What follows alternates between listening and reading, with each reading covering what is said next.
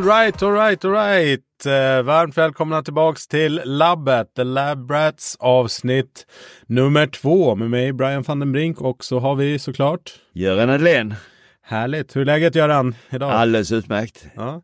Själv då? Ja men det är bra. Vi är ganska uppumpade inför eh, det här andra avsnittet och vill eh, tacka för all fantastisk feedback som vi har fått i alla möjliga kanaler som folk har hört av sig. Um, superkul, ge oss motivation att fortsätta och med det här vi ju knappt börjat men, men ändå, det är viktigt att Ja. få feedbacken. Ja, och vi kan väl säga redan nu, dela, tveka inte att dela och tycker ni om oss så ge oss gärna höga betyg för då är det ännu fler som kommer att få se den. Yes, rate oss i poddspelaren där så fler får upp öronen för oss och vad vi pratar om här. Det är nog, vi har misstänkt att det finns ganska många som borde lyssna in på det här. Ja, men det är väl det vi har hört också, att det är många som, ska, många som borde lyssna mer och ta till sig de här budskapen. Och Mm. Det är lite kul. Jag var på en föreläsning igår när de kommer fram. Ja, men jag tillbringade natten tillsammans med dig och Brian. nu var det en kille som heter Jonas. Eh, och han, han tyckte att det var väldigt intressant. Han, jag måste ta tag i detta för att nu börjar jag förfalla och jag känner hans fru också. Hon hade också sagt att nu börjar du förfalla Jonas. Mm. Ja, se där, se där. Men eh, det positiva är att det är aldrig för sent att göra någonting och det går att göra extremt mycket ganska sent i livet också. Så att det är liksom inte på något sätt kört. Så att vi vill Och det säger du, titta på mig. Ja, nej men du, vi, du är ju ett eh, bevis på det liksom. Att det går att göra eh, jättefina framsteg. Jag tror att många är fast i någon slags fixed mindset av hur någon som blir äldre, alltså generellt sett, eh, hur man ska vara. Det är egentligen det är från, typ, jag märker så här, från och med att man får barn så börjar man ju betraktas som lite äldre i mångas, eh, man har barn och det är så här, ja men den, då är man lite mer liksom Ja. förankrad i någon slags vuxen värld och där någonstans är det liksom så här, ja men man är förälder, man förväntas lite så här gå ner sig på vissa sätt. Jag, jag höll en föreläsning i, idag just och då sa jag att när man då börjar bli äldre, då tror man att det är ett normalläge, att man ska vara tröttare, att det är lättare för att somna i soffan och liknande, att man inte orkar vissa saker för det beror på åldern. Mm. Och så märkte jag liksom det jag har gjort nu de, de här snart tre och ett halvt åren. Mm. Det var inte alls normalläge. Nej. Jag somnar inte i soffan nu. Jag har ork. Jag kör liksom, körde två föreläsningar direkt efter varandra. Inte tillsymmelse till trött. Nej. Och tidigare blev jag skittrött efter en föreläsning. Så man ser mycket i vardagslivet hur mycket mer man orkar. Och det är väl därför också som, i alla fall känner jag själv och så som jag när jag in- vill inspirera andra till att ta tag i det. Det handlar inte så mycket om liksom något utseendemässigt eller sådär, utan det handlar mycket om den här här livskvaliteten, att kunna göra de grejerna man vill göra, kunna vara för mig, kunna vara aktiv med barnen eh, och göra mycket grejer eh, tillsammans med dem så länge som de kommer vilja göra saker tillsammans med en. Och sen kommer det en tid när man absolut inte kommer vara välkommen in i deras liv på det sättet och kommer kunna styra dem. Så att det är Men sen, sen kan du komma tillbaka sen, Japp. som jag har nu, eh, min äldsta son och jag, som då gör den här tävlingssatsningen inför nästa Lucia-pokal i fitness tillsammans. Och det är skitkul att göra det med sin son. Mm. Ja, ja, verkligen. Så att det där går ju i, i vågor såklart. Men, eh, och sen så här åldrande är också intressant att de som är gamla, nu säger jag bara gamla generellt sett, då, om de- man tänker sig hur en pensionär var när man själv växte upp. Liksom om man tittar på bilder på, på folk som kanske var så 40-50 år, de var ju som 70-80-åringar typ ser ut idag, liksom en nidbild av det. Så att det är också så här med åldrande att det förändras. Att vi som blir gamla nu, vi kommer ju ta med oss och vilja ha ganska mycket vanor och beteenden som vi har med oss nu. Så att Ja, den här bilden av pensionären som bara sitter hemma och tittar på tv och liksom, nej den finns ju inte. Det är klart den finns här och var, men, men, men det förändras ju också med, med tiden, vad, hur gamla beter sig helt enkelt. Och det är väl det som är egentligen visionen tycker jag med den här podden också, att väldigt unga personer borde lyssna på detta Mm. och inte förfalla. Ja. För jag menar, desto senare man förfaller, eller desto tidigare man tar tag i sitt förfall, Mm. desto bättre är det. Eller hur? För jag menar, jag ser det är rätt jobbigt i min ålder nu att förändra och svänga alla de här sakerna. Man önskar man skulle gjort det för 15-20 år sedan. Mm. Så eh, tänk på det Brian. Ja. Vänta inte för länge. Det är som en pensionsspar, man kommer på det för sent. Att, Ja, men Oj, jag gör det." skulle ha dragit igång det för tio år sedan. Exakt. Då hade pengarna varit så här. Japp. Ja, men det är lite samma, en liknelse till, till det, det ekonomiska. Men eh, herregud, vi ska ju dundra rätt in i ett jäkligt intressant eh, ämne och vi, vi landade rätt tidigt i det här ämnet när vi eh, har diskuterat i månaderna upp till den här podden. Liksom sex, eh, samlevnad kopplat till livsstil och hur eh, livsstilen hos många försämras. Och så här, hänger det här ihop? Vi blir fetare och fetare. Har vi mindre sex? Och vad beror det då på? Och hur kan det hänga ihop? Så att eh, det är det det här för fet för ett fuck eh, avsnittet handlar om. Ja, och för de som inte vet det så är det gammal Svullo-låt från 1989.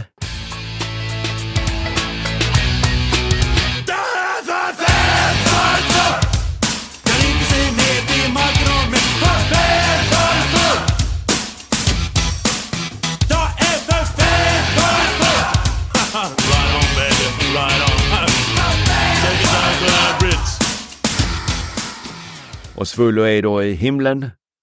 Och Svullo var väl själv väldigt överviktig. Det var han.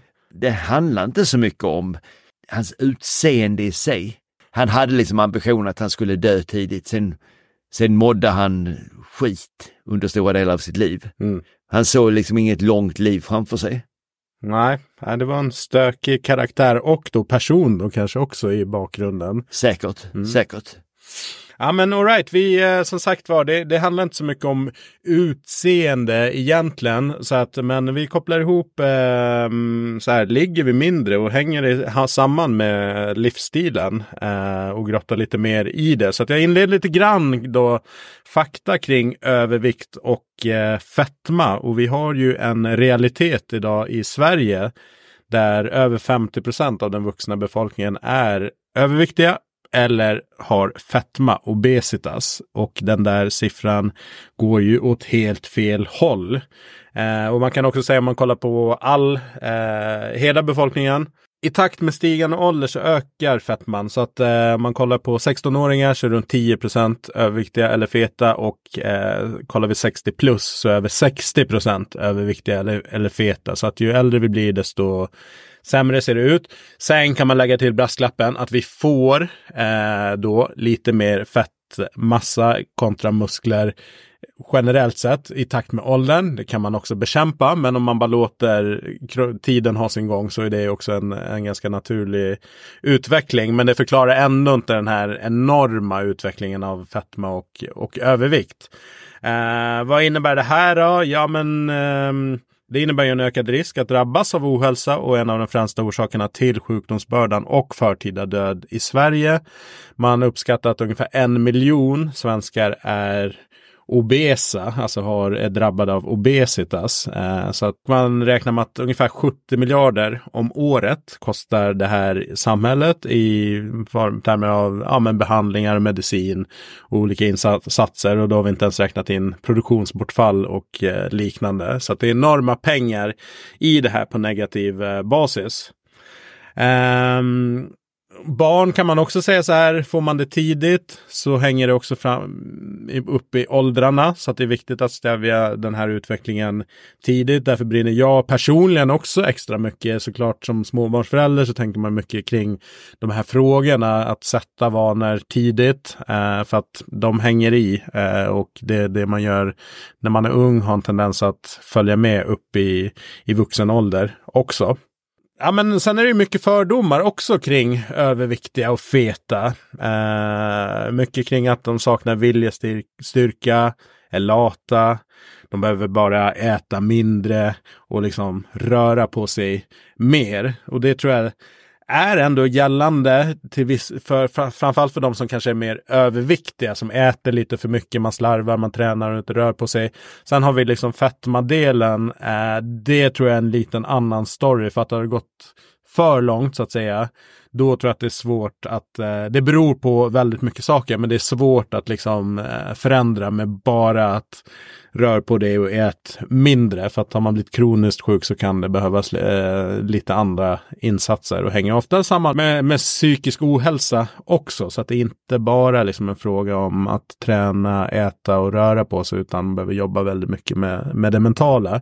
Men vi har också ett sam samhälle där liksom normen är skulle jag säga idag att man tycker det är ganska normalt med folk som är lite rultiga och går runt på stranden liksom på sommaren. Alltså de där 50 procenten, jag tycker att det stämmer väldigt väl överens med vad jag ser. Liksom att folk generellt sett är mycket fläskigare faktiskt än vad man själv växte upp som barn och liksom såg på, på vuxna och sådär.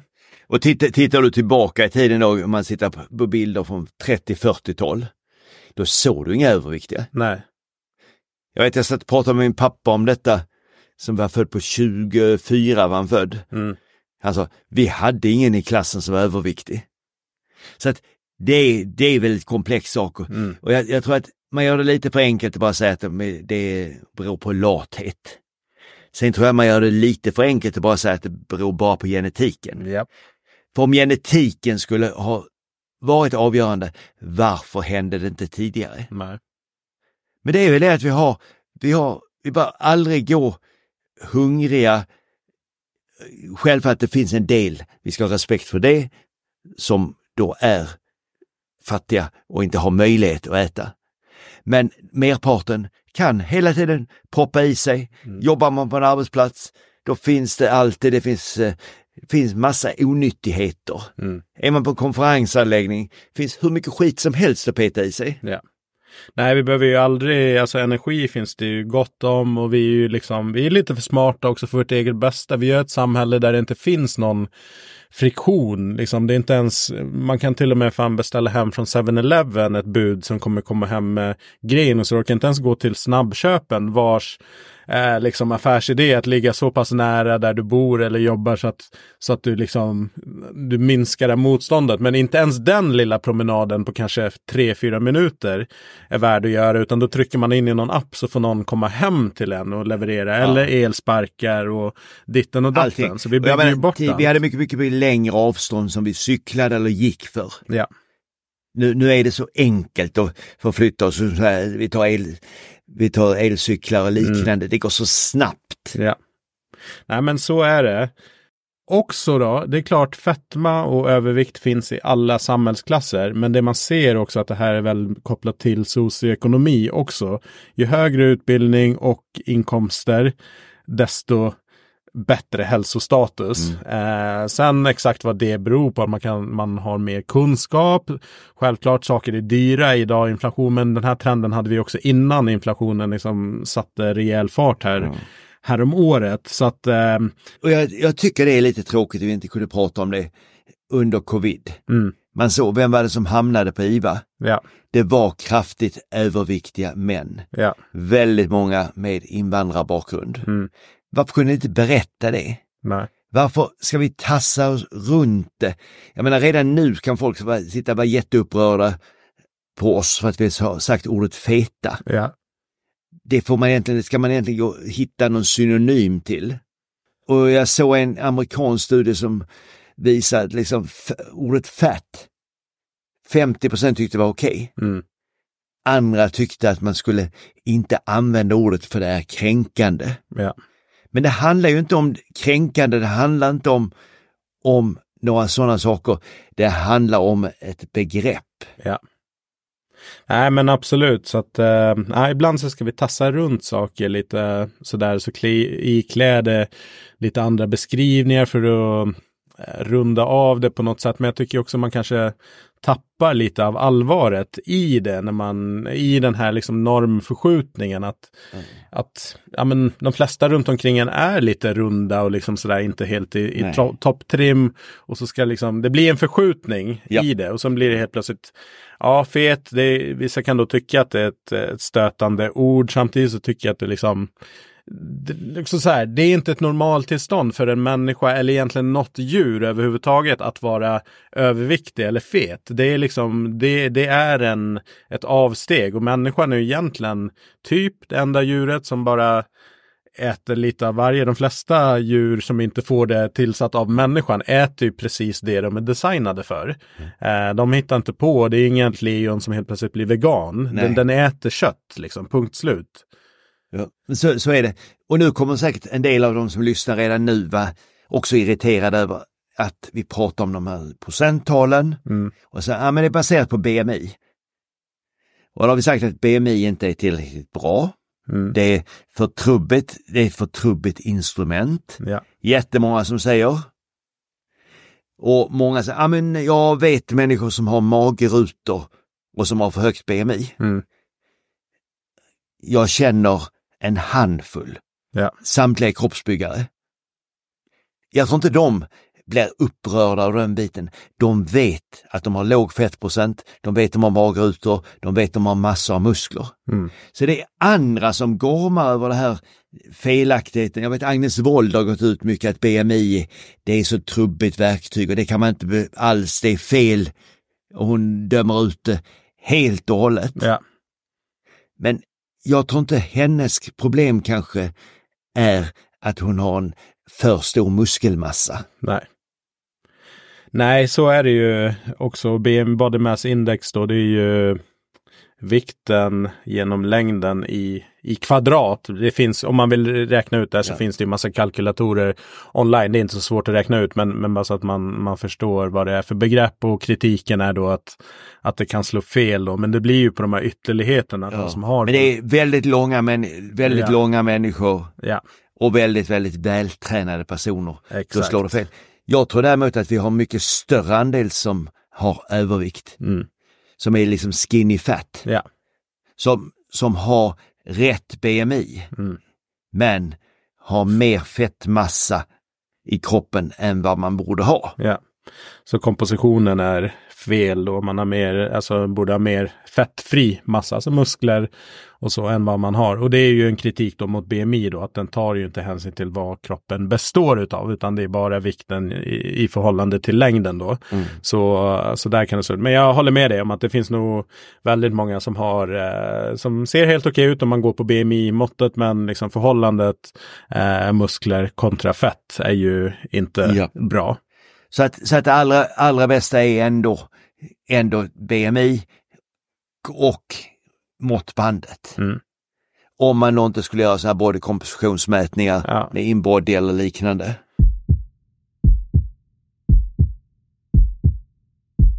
Men eh, fasen, okej, för fet för ett fuck, vad, hur hänger det här ihop med sex då, sexlust? Ja, nu är vi väl inne, nu är vi inne på ett otroligt, vad ska jag säga, svårt ämne. Ja, Och det är också väldigt svårt att dra totala slutsatser. Men tittar man på statistiken så verkar det rätt tydligt på att vi har en nedåtgående sextrend. mm. Sen är det med alla de här sakerna, allt som har med kost, allting har med sex, det är självuppskattningar i väldigt stor utsträckning. Ja. Man erkänner inte hur illa man äter, man erkänner inte hur dåligt sexliv man har egentligen på detta.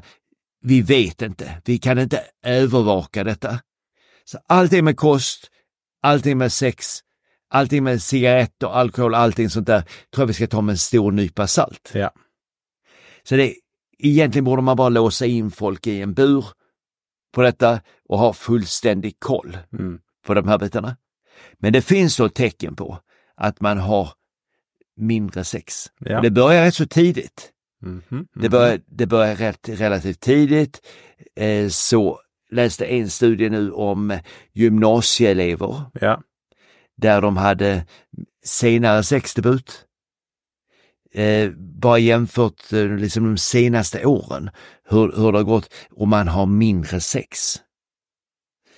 Och då skulle jag vilja säga, ja, livsfarligt att säga att vi drar slutsatsen, mm. det beror på övervikt. ja, Det kan lika mycket vara sociala medier och liknande. eller hur? Men däremot kan man då börja titta på i högre ålder. Och nu börjar vi säga där liksom, för fet för ett fuck, ja, då kan vi se testosteronnivåer Mm. som också tyder, jag säger tyder, som är sjunkande i de undersökningar som gjorda. Ja.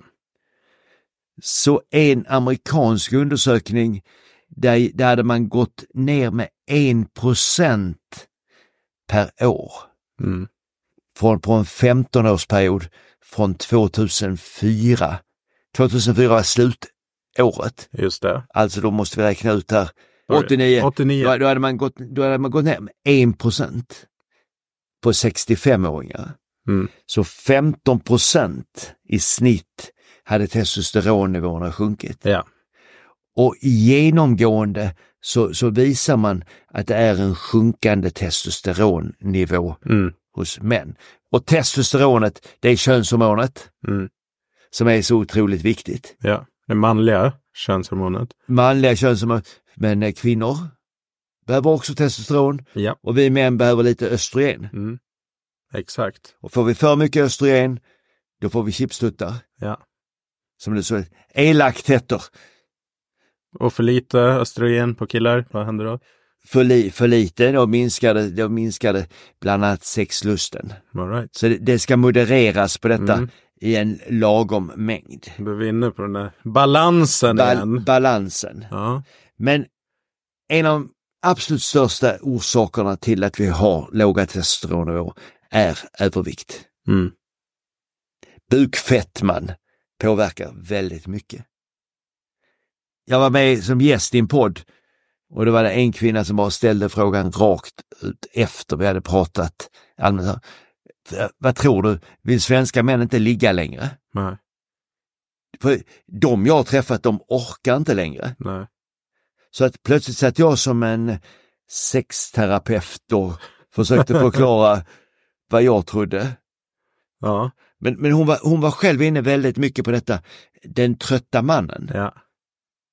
Och vi tror det här att vi ska bli så aggressiva av för mycket testosteron. Ja. Men det är tvärtom. Mm. Det är, det är det vi som får väldigt mycket energi. Det är det som bygger våra musk, muskler Ja. i väldigt stor utsträckning. Nej, så här testosteronstinna, liksom aggressiva, det, det är ju en, det är en myt kan vi fastslå direkt. Det har ju ingenting direkt koppling till just hur aggressiv en, en människa är. Nej, tvärt, nästan tvärtom. Ja.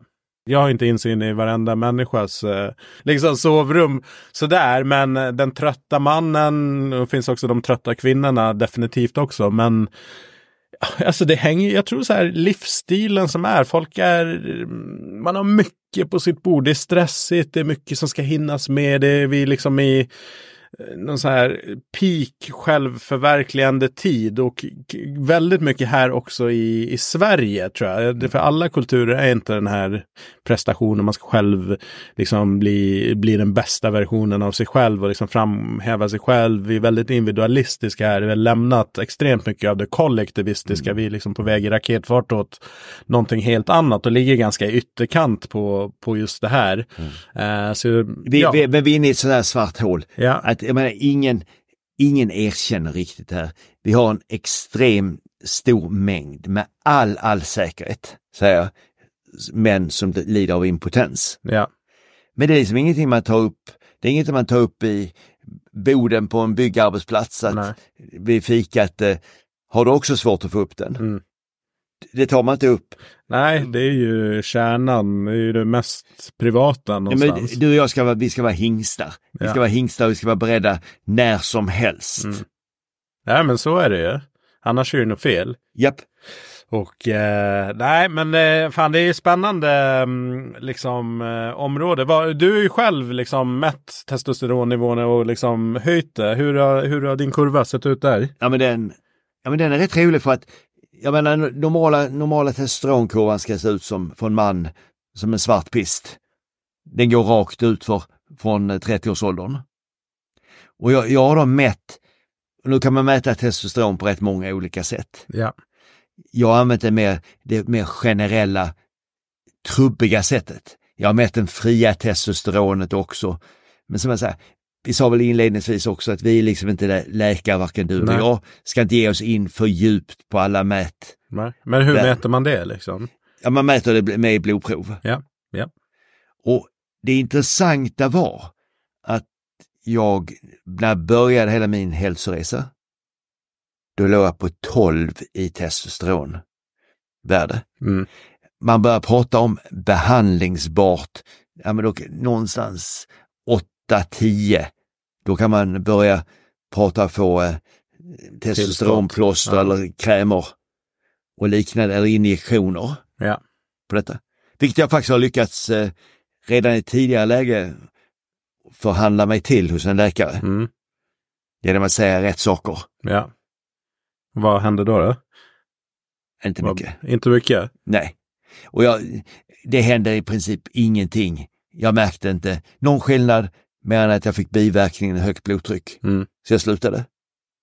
För det är väldigt poppis. Eh, USA är det ju, skrivs det ut väldigt mycket testosteron sen, eh, sen en tid tillbaka. För det har blivit en hype kring att liksom tillsätta eh, testosteron eh, externt. Ja. Jag lyssnade på en podd på Sveriges Radio, kommer inte ihåg eh, exakt vilken det var. Eh, för att lägga in det i sånt fall i avsnittsbeskrivningen så kan man lyssna in sig på det. Då pratade de om just att det har blivit så populärt med att skriva ut testosteron. Det börjar komma in allt mer i, i Sverige eh, också. Ja. Men eh, jag var lite också nyfiken där när de pratade om biverkningar. Men som jag förstod det så sa den läkaren i alla fall att vi vet inte vad det innebär att tillsätta det eh, utifrån och på längre sikt. För att det är ändå relativt eh, nytt fenomen med att tillsätta det på det här Ja, sättet. och sen är det fler som, fler som testade också. Ja.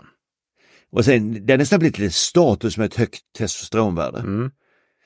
Och det är väl det jag har lyckats med, att i så fall ligga högt på den här statuskurvan Mm. för att istället för att en rak, eh, om man säger backe neråt, Ja. så är en rakt stigande kurva Ja.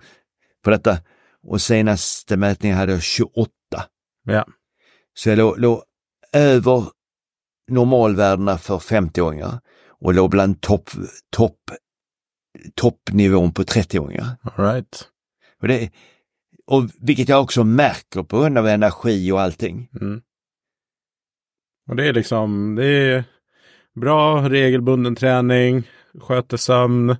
Eh, jag uppfattar inte som att du dricker en massa liksom, alkohol. Eh, Nej, generellt sett Väldigt sådär. lite. Äter bra, vet jag att du gör och har Mm. liksom rutiner för det. Så att det liksom inte, det som du säger i dina före- föreläsningar, det är inte Einstein egentligen. Nej.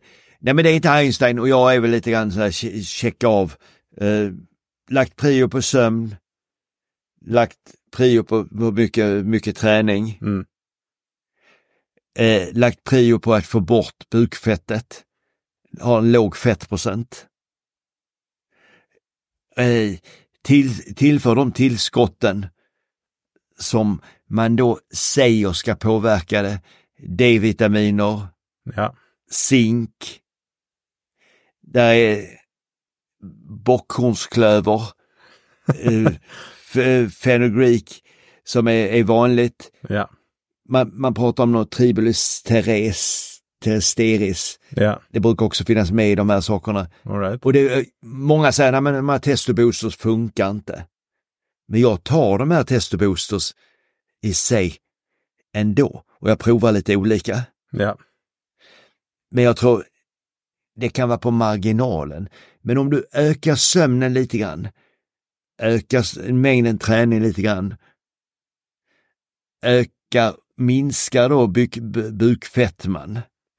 Alla de ger någon liten procent. ja. Så det, det är väl som en helhetslösning. Det är en helhetslösning och i det här, nu pratar de om saker man kan öka, men jag tror också många behöver ta bort saker som de pysslar med. Man jobbar för mycket, man, alltså, hela den här självförverkligande, man ska göra så himla mycket. Eh, och allt samtidigt, karriär, barn, familj, eh, ditten och datten liksom. Mm. Och, då- och, då- och då har du kortisolnivåerna som påverkar testosteronet negativt. Ja, Så att det är också intressant att kortisolnivåerna, om du kan få ner kortisolnivåerna, Mm. stresshormonerna. Och det kan du då få med meditation och mer vila och det finns även tillskott på det som liksom kortisolblockerare. ja, Det minskar fettinlagringen, minskar det fettinlagringen så ökar det testosteronet. Mm. Så att det är en komplex, det är en komplex bild vi pratar om. ja. Men någonstans kommer vi hela tiden ändå in på detta att går du med för mycket övervikt, då har du oftast för låg testosteronnivå.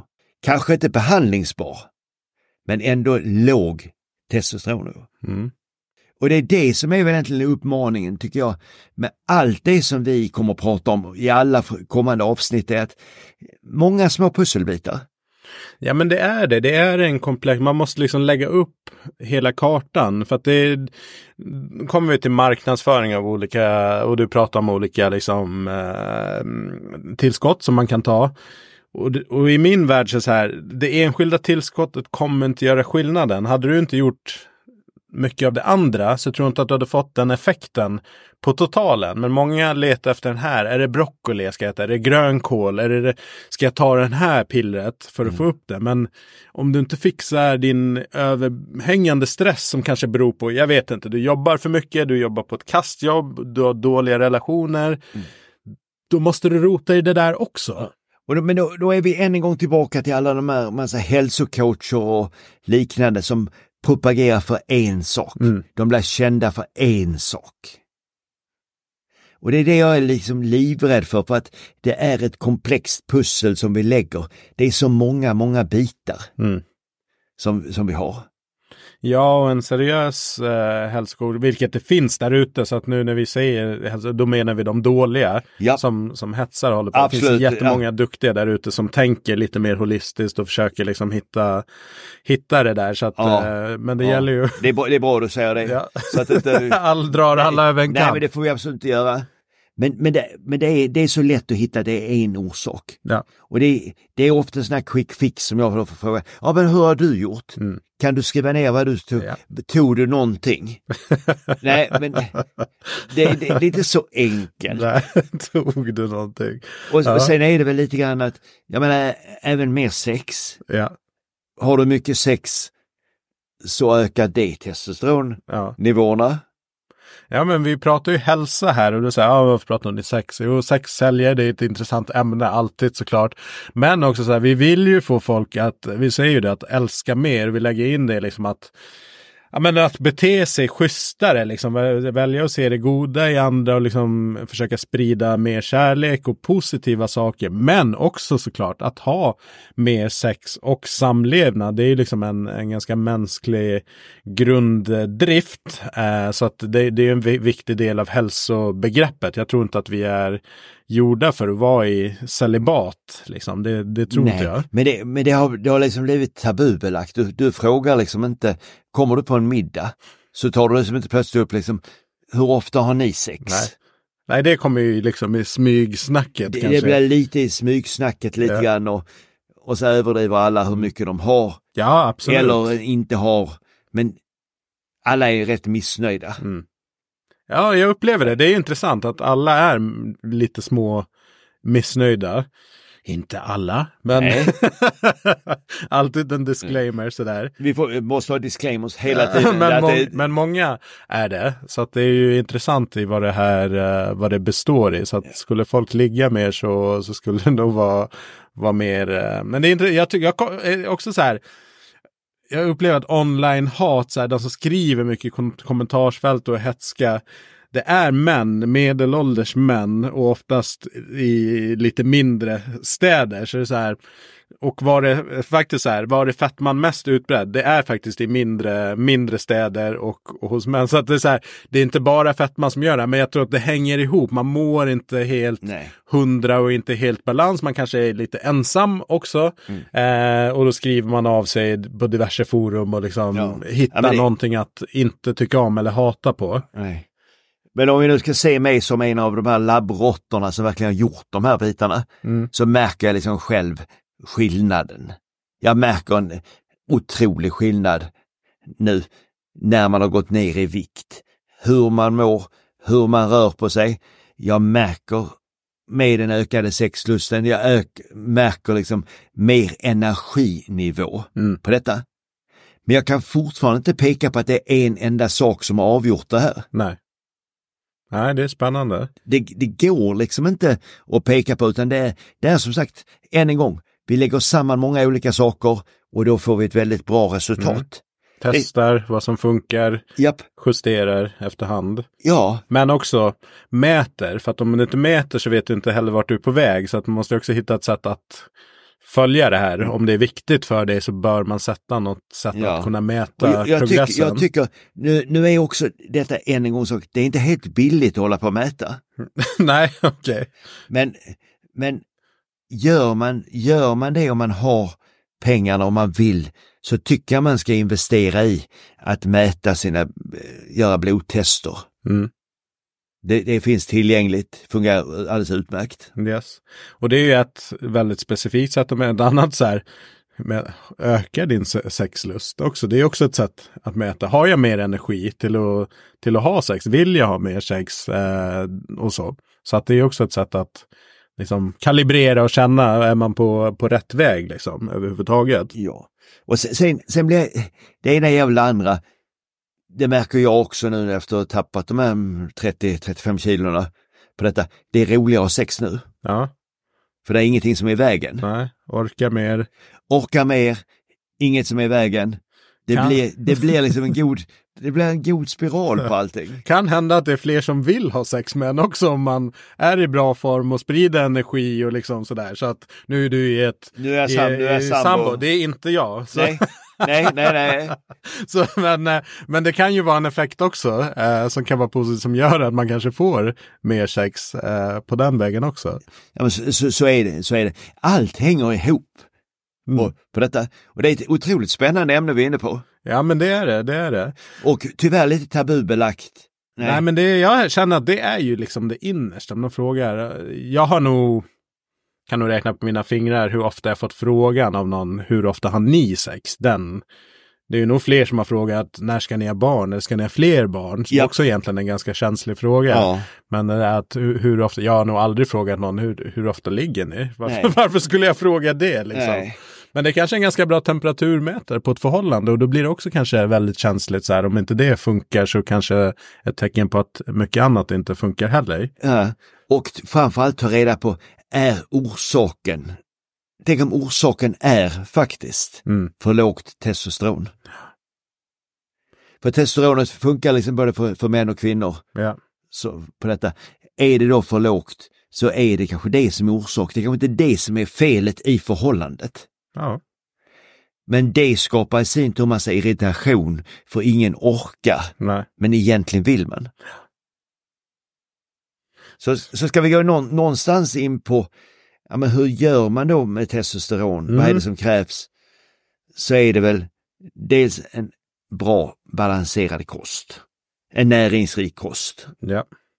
Och du vet hur mycket jag älskar protein. Mm. Protein, Mycket kyckling. mycket kyckling är det och mycket ris. Men, men var inte rädda för proteinet i detta. Sen, hormoner kommer från fettet också. Vi får inte vara livrädda för fett. Även om jag kanske håller nere fettnivån rätt mycket. Mm. Ska vi inte vara livrädda för det. Träning. Regelbunden träning. Mm. Styrketräning skulle jag lägga till att Ja. ännu mer fokus på det kontra om, i det här perspektivet. Ja. Konditionsträning kontra styrketräning så, så Ja. muskeltillväxt är lika med testosteronhöjning. Eh, det, det är absolut. Mm. Sen är det med hantera stressen och då kommer vi in på kortisolnivåerna. Ja. Sömnen. Det här kommer vi komma tillbaka till så många gånger. Och allt det hänger ihop liksom. eh, Skit, skit i, i alkohol eller drick sparsamt med alkohol. Mm. Och sen ner i vikt. Och sen så pratar man mycket om idag att man und ska undvika de här östrogenlika kemikalierna som finns i väldigt mycket i plaster och liknande. Ja men det är liksom ett konkret tips. Där, eh, antingen köpa då plast som är fri från det här som är väldigt tydligt uppmärkt. Men jag ännu hellre tycker jag så här. Om du har matlådor eller drycker som du förvarar i kyl. Köp glas, eh, glas förpackningar, Japp. lådor, Mm. eh, då, då slipper du rätt mycket Mm. utav det där. Men annars Men- så, så köp plast som är fri från Men det, men det är också detta, ämnena. cherrypicka inte en del i detta. Alltså, Nej. ja, men jag, jag krökar på som, som vanligt och jag, jag, men jag är rätt så fet. Men jag har min sann min mat i rostfritt. Mm, Då, då funkar det inte. nej. Och det är det, jag tror att de allra flesta gör det. Man, man tar en sån här lista och så ser man, ja men vad, vad, vad kan funka? Det är just det här med ah, plasten, Mm. den tar vi bort. För den är rätt ofarlig. Och den är man- extremt enkel. Ska man kost- köpa en schysst eh, sån här Unica-box eller liknande, lite snyggt då, Ja. köper man det. Men man dricker och man stressar och man tränar inte. Men så tror man att det är lösningen. Nej. Så nej, ingen cherry picking här och, och ta det, men okej, det kan vara jobbigt att göra allt på en gång, men väl de stora elefanterna, då skulle jag verkligen så här styrketräna, kolla in din sömn och vad du äter. Då kommer rätt mycket av, av det andra också. Och äh, helt ärligt, tränar du regelbundet, då kommer du vilja tanka i bra, bra mat och du kommer sova bättre för att det liksom, du blir trött. Liksom. Så att det blir ofta en positiv spiral om man kickar igång det. Men som, som du säger, jag håller med. Börja inte med matlådeförpackningen för den kommer inte förändra de andra faktorerna för fem öre. Men, men den är kanske minst friktion i för att det är lätt att gå och köpa på Ikea eller vad som helst och så har du tio sådana där och sen är det gjort liksom. Men, men du har ju inte förändrat särskilt mycket Nej. egentligen. Nej. Så nu alla män som lyssnar på det här tycker jag, fram med måttbandet. Ja. Har ni, har ni midjemått under 94, coolt. Det är liksom, då, då är det lugnt. Mm. Ligger ni mellan 94 och 102 centimeter, ah, observandum, det Ja. är lite högt. Ligger ni över 102, försök ta bort. Yes. Så kom ner under 102, sträva ner mot 94 på detta. Yes. Det låter bra.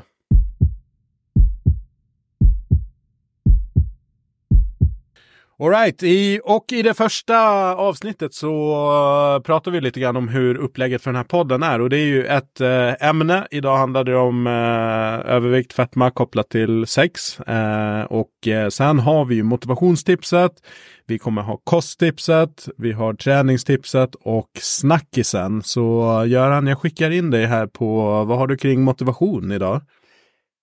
Kring motivation har jag tipset skit i motivationen. Mhm.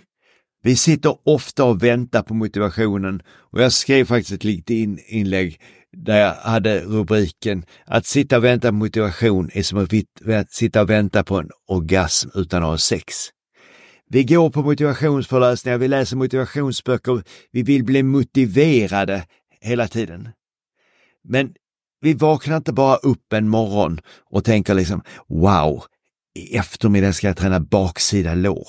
Det har jag inte gjort på 17 år. Det gör man inte. Vad jag vill då, då istället säga, gör saker och ting. Ändra ditt beteende. Få saker och ting gjort och då krävs det disciplin. Så sätt en rutin. Var disciplinerad. För när du blir disciplinerad och gör de här sakerna, då får du ett resultat. Och när du ser resultatet så blir du motiverad. Mm. Och när du blir motiverad så blir du ännu mer disciplinerad. Och vad händer då? Ja, då blir du, får du ett ännu bättre resultat. Och så blir du ännu mer motiverad. Och så här skulle jag kunna fortsätta en timme framåt. Så någonstans, så här, disciplin, disciplin, disciplin. Gör disciplin till det vackraste, mest kärleksfulla ordet. För det är det som är grunden. Motivationen, den får du inte bara sådär. Det är ingen som väcker upp dig på detta, utan det är disciplin som består. Mm. Nej, vackert. Så är det. Jag har en bekant som jobbar med ledarskap och sådana. Han brukar alltid säga det är action som skiljer människor åt. Vissa gör, vissa gör inte. Ja, men snacka, min, snacka mindre, gör mer. Mm. Bra. Alright, ja men då glider vi vidare i det här och då har vi avsnittets recept. Vad har vi där Göran? Ja, extremt oväntat så handlar det om kyckling och ris. Och för alla er som har en slow cooker så eh, använd er slow cooker för den är helt fantastisk. Den är så otroligt enkel. Har vi inte slow cooker så kan vi lägga det i ugnen.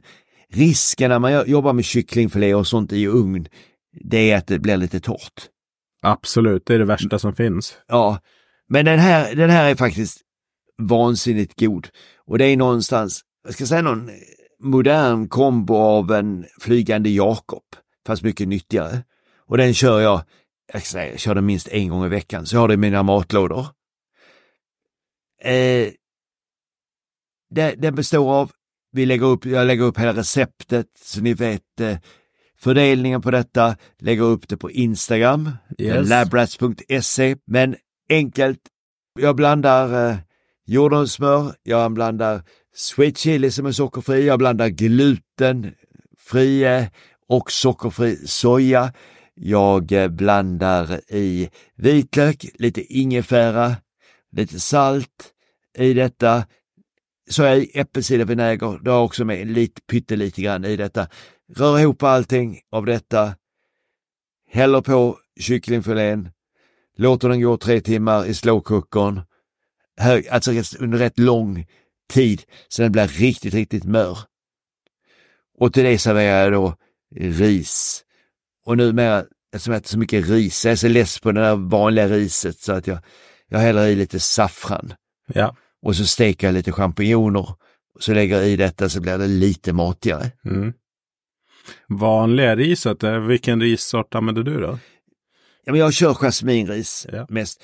Alltså, ja, du vet min perversion för matlådor och jag äter rätt mycket kalla matlådor. Ja. Och då är det fruktansvärt jobbigt att äta kall basmati-ris. Mm. För ba- man bara tappar bort allt riset. Så att jag kör som jasminriset så det håller ihop. Det håller ihop, ja.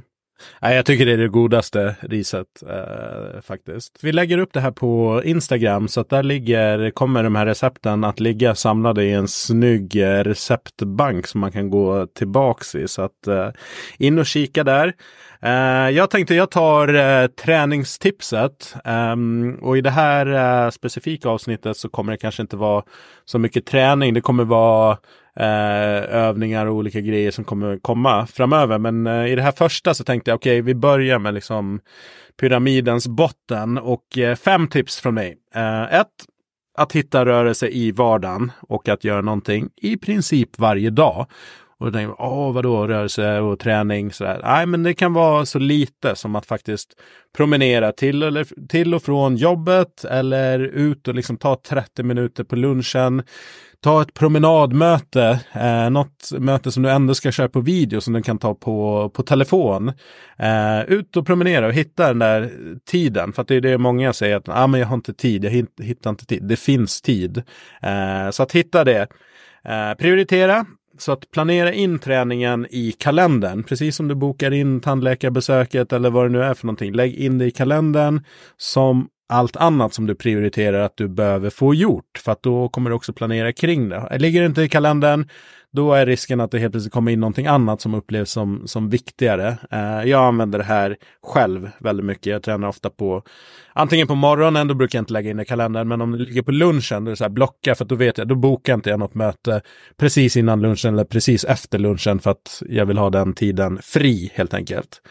Eh, tredje, packa träningsväskan dagen innan så den är färdig att bara ta med så att det inte blir ett moment på morgonen när man sticker till kontoret och ja, det, det kan dyka upp så mycket annat så att eh, det, det är ett supertips att det där redan ligger packat och blir en liten reminder också ute i hallen att ja, just det, jag ska ju träna imorgon. Um, och sen det här då, att inte gå till gymmet eller ut i löparspåret och bara köra planlöst. Visst, du kan sticka ut och köra en löprunda, jogging, bara för att liksom rensa ur systemet. Det har jag inget problem med. Men ska du liksom träna lite mer medvetet och bygga, bygga någonting över tid, då lär du ha en plan. Eh, det här att bara gå ut i gymmet, För då blir det upp till mycket annat. Så här. Vilka grejer är lediga? Är det mycket folk på gymmet eller inte? Plus att du kommer få svårt att få en utveckling om du inte har ett, eh, ett program att förhålla dig till som du kör på och sen som du uppdaterar eh, längs med. Så att antingen, det finns massa gratis online som så här för gemene man som inte tränar för liksom någon, någon fitnesstävling eller någonting.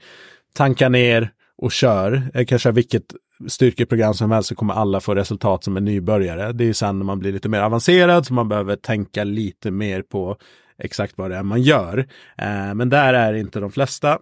Eh, och eh, nej, använd en PT, alltså anlita en PT eller be någon anlita någon för att skriva ett program. Det är ett annat alternativ. Eh, så att ehm, ja, ta hjälp av, av någon om du inte känner att du har kompetensen. Jag ser allt för många ute i gymmet som tränar väldigt planlöst och ofta tränar med för låg intensitet. Vad menar jag då? Jo, man har för lätta vikter. Jag ser direkt att okej, okay, du kan inte köra, eller det är klart du kan, köra knäböj med två 10 kilos hantlar på axlarna, men helt ärligt, 20 kilo extra belastning, det är inte jättemycket. Så att man kör för lätt eller man går runt och flummar runt, kollar mobilen och har kanske fem, sex minuters paus mellan setvilan. Men som motionär, en minut, två minuter, sen ska du vara igång med nästa för att liksom hålla uppe någon slags liksom intensitet i träningen. Och om du inte har en plan så kommer du falla in i det du tycker om och det du kan. Så du får inte heller någon utveckling och ingen variation i träningen. Sista tipset, våga utmana dig själv. Eh, och det tappar in på det, det jag sa, att många tränar för lätt eller med för låg intensitet. Eh, det ska göra lite ont. Det ska bränna lite i hjärta och lungor när du, när du springer för att få en bättre kondition. Eh, och det ska komma lite träningsverk. Eh, kan det göra. Ibland. Det behöver inte göra det. Men eh, det är inget som man behöver vara rädd för. Jag upplever att folk är lite rädda för att komma ut ifrån comfortzonen. Och det är liksom i comfortzonen. Du underhåller, men du får inte utveckling. Eh, du behöver liksom pusha på lite grann och träna lite hårdare än eh, liksom status quo för att få en utveckling. Vad tycker du Göran om de här? Jag håller inte alls med. Nej, Nej. Det, det, eh, det, det är inte jätteskitbra. Mm. Eh, Det är egentligen bara två, två saker som jag tänkte på. Ja. Det ena är faktiskt att kunna använda ChatGPT som sin tränare. Ja. Jag satt och roade mig med ChatGPT och bad och fråga, eh, lägga upp ett bra träningsprogram för baksida axlar Mm. och liknande. Och måste säga, jag fick riktigt, riktigt bra Ja. råd. Så att ChatGPT, fråga om detta, skriver ihop väldigt bra träningsprogram. Be ChatGPT faktiskt skriva ihop ett träningsprogram. Jag vill träna ett allround träningsprogram. Jag är relativt otränad. Skriv ut de här bitarna och se vad ni får fram. Och sen det andra, så, här, ja, lätta vikter. Egentligen ska ingen vikt vara lätt. För kör man tillräckligt många repetitioner och gör det tillräckligt många gånger, då ska det vara så man inte orkar sista. Det sista repetitionen ska verkligen svida, göra ont. Mm. Man ska inte orka någonting mer. Nej. Så man pratar ibland om de här tunga vikter och lätta vikter. Jag tränar med relativt lätta vikter. Men jag gör väldigt många repetitioner Mm. och jag går alltid till failure.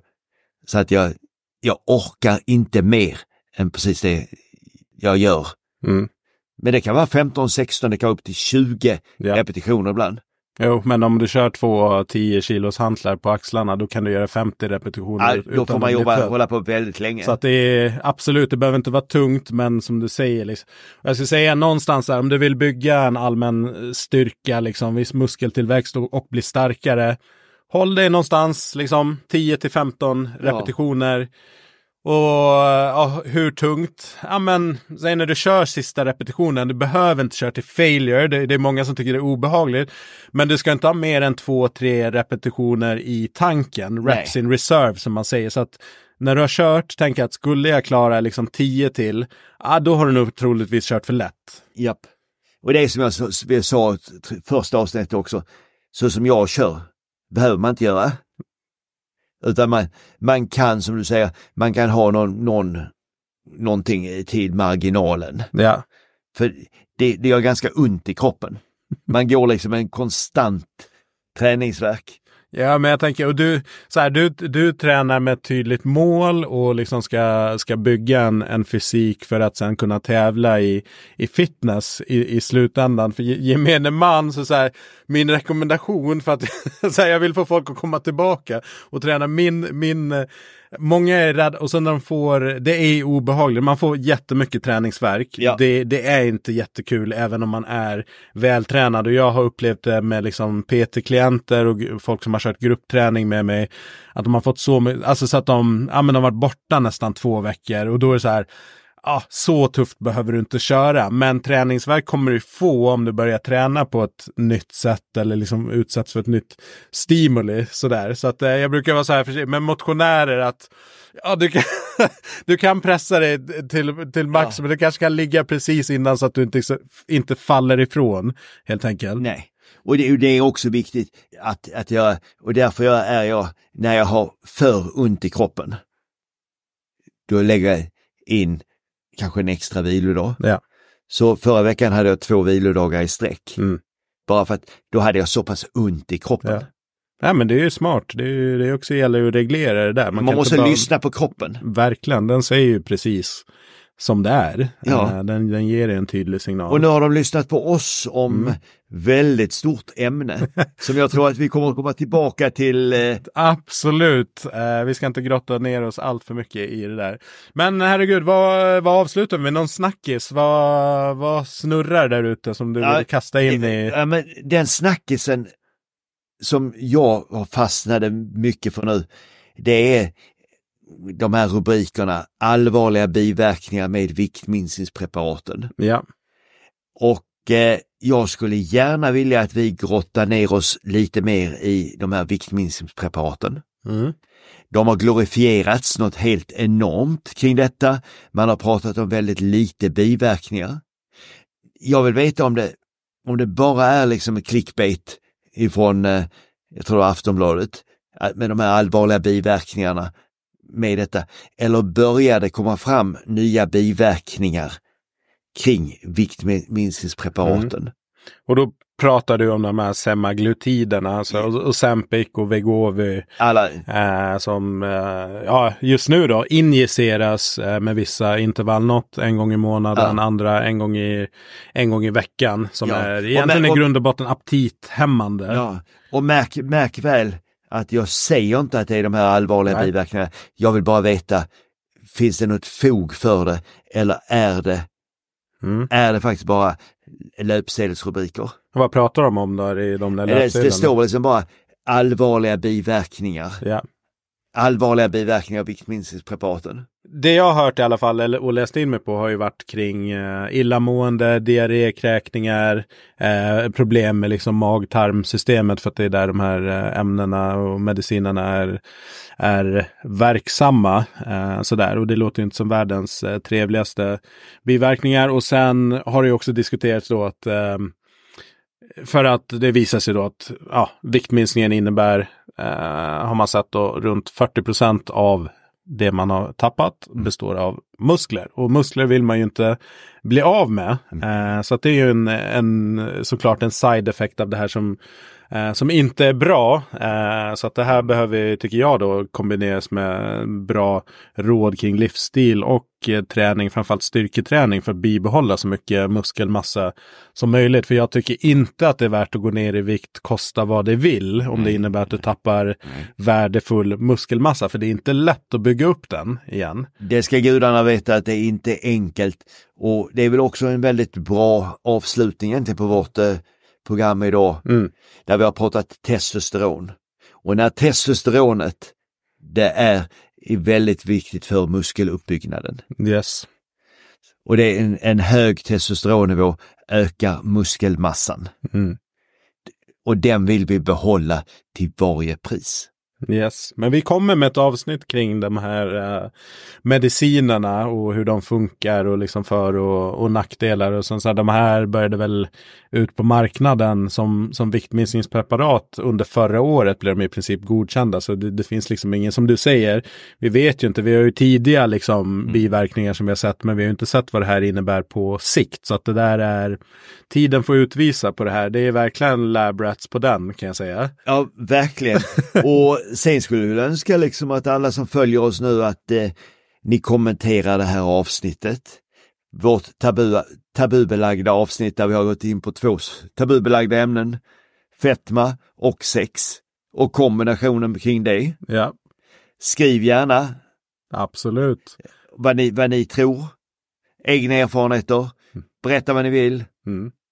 Ja, thelabrats.se på Instagram. Glöm inte bort att um, ratea oss i poddspelaren. Ge oss gärna fem stjärnor. Blir vi jätteglada så att det här sprids till fler så att vi kan göra fler avsnitt och fylla det här med innehåll. Och ja, tips och råd kring eh, ämnen och funderingar. Vi har redan fått in en del ehm, ämnesförfrågningar som vi kommer ta tag i längre fram. Så att eh, det tar vi tacksamt emot. Ja.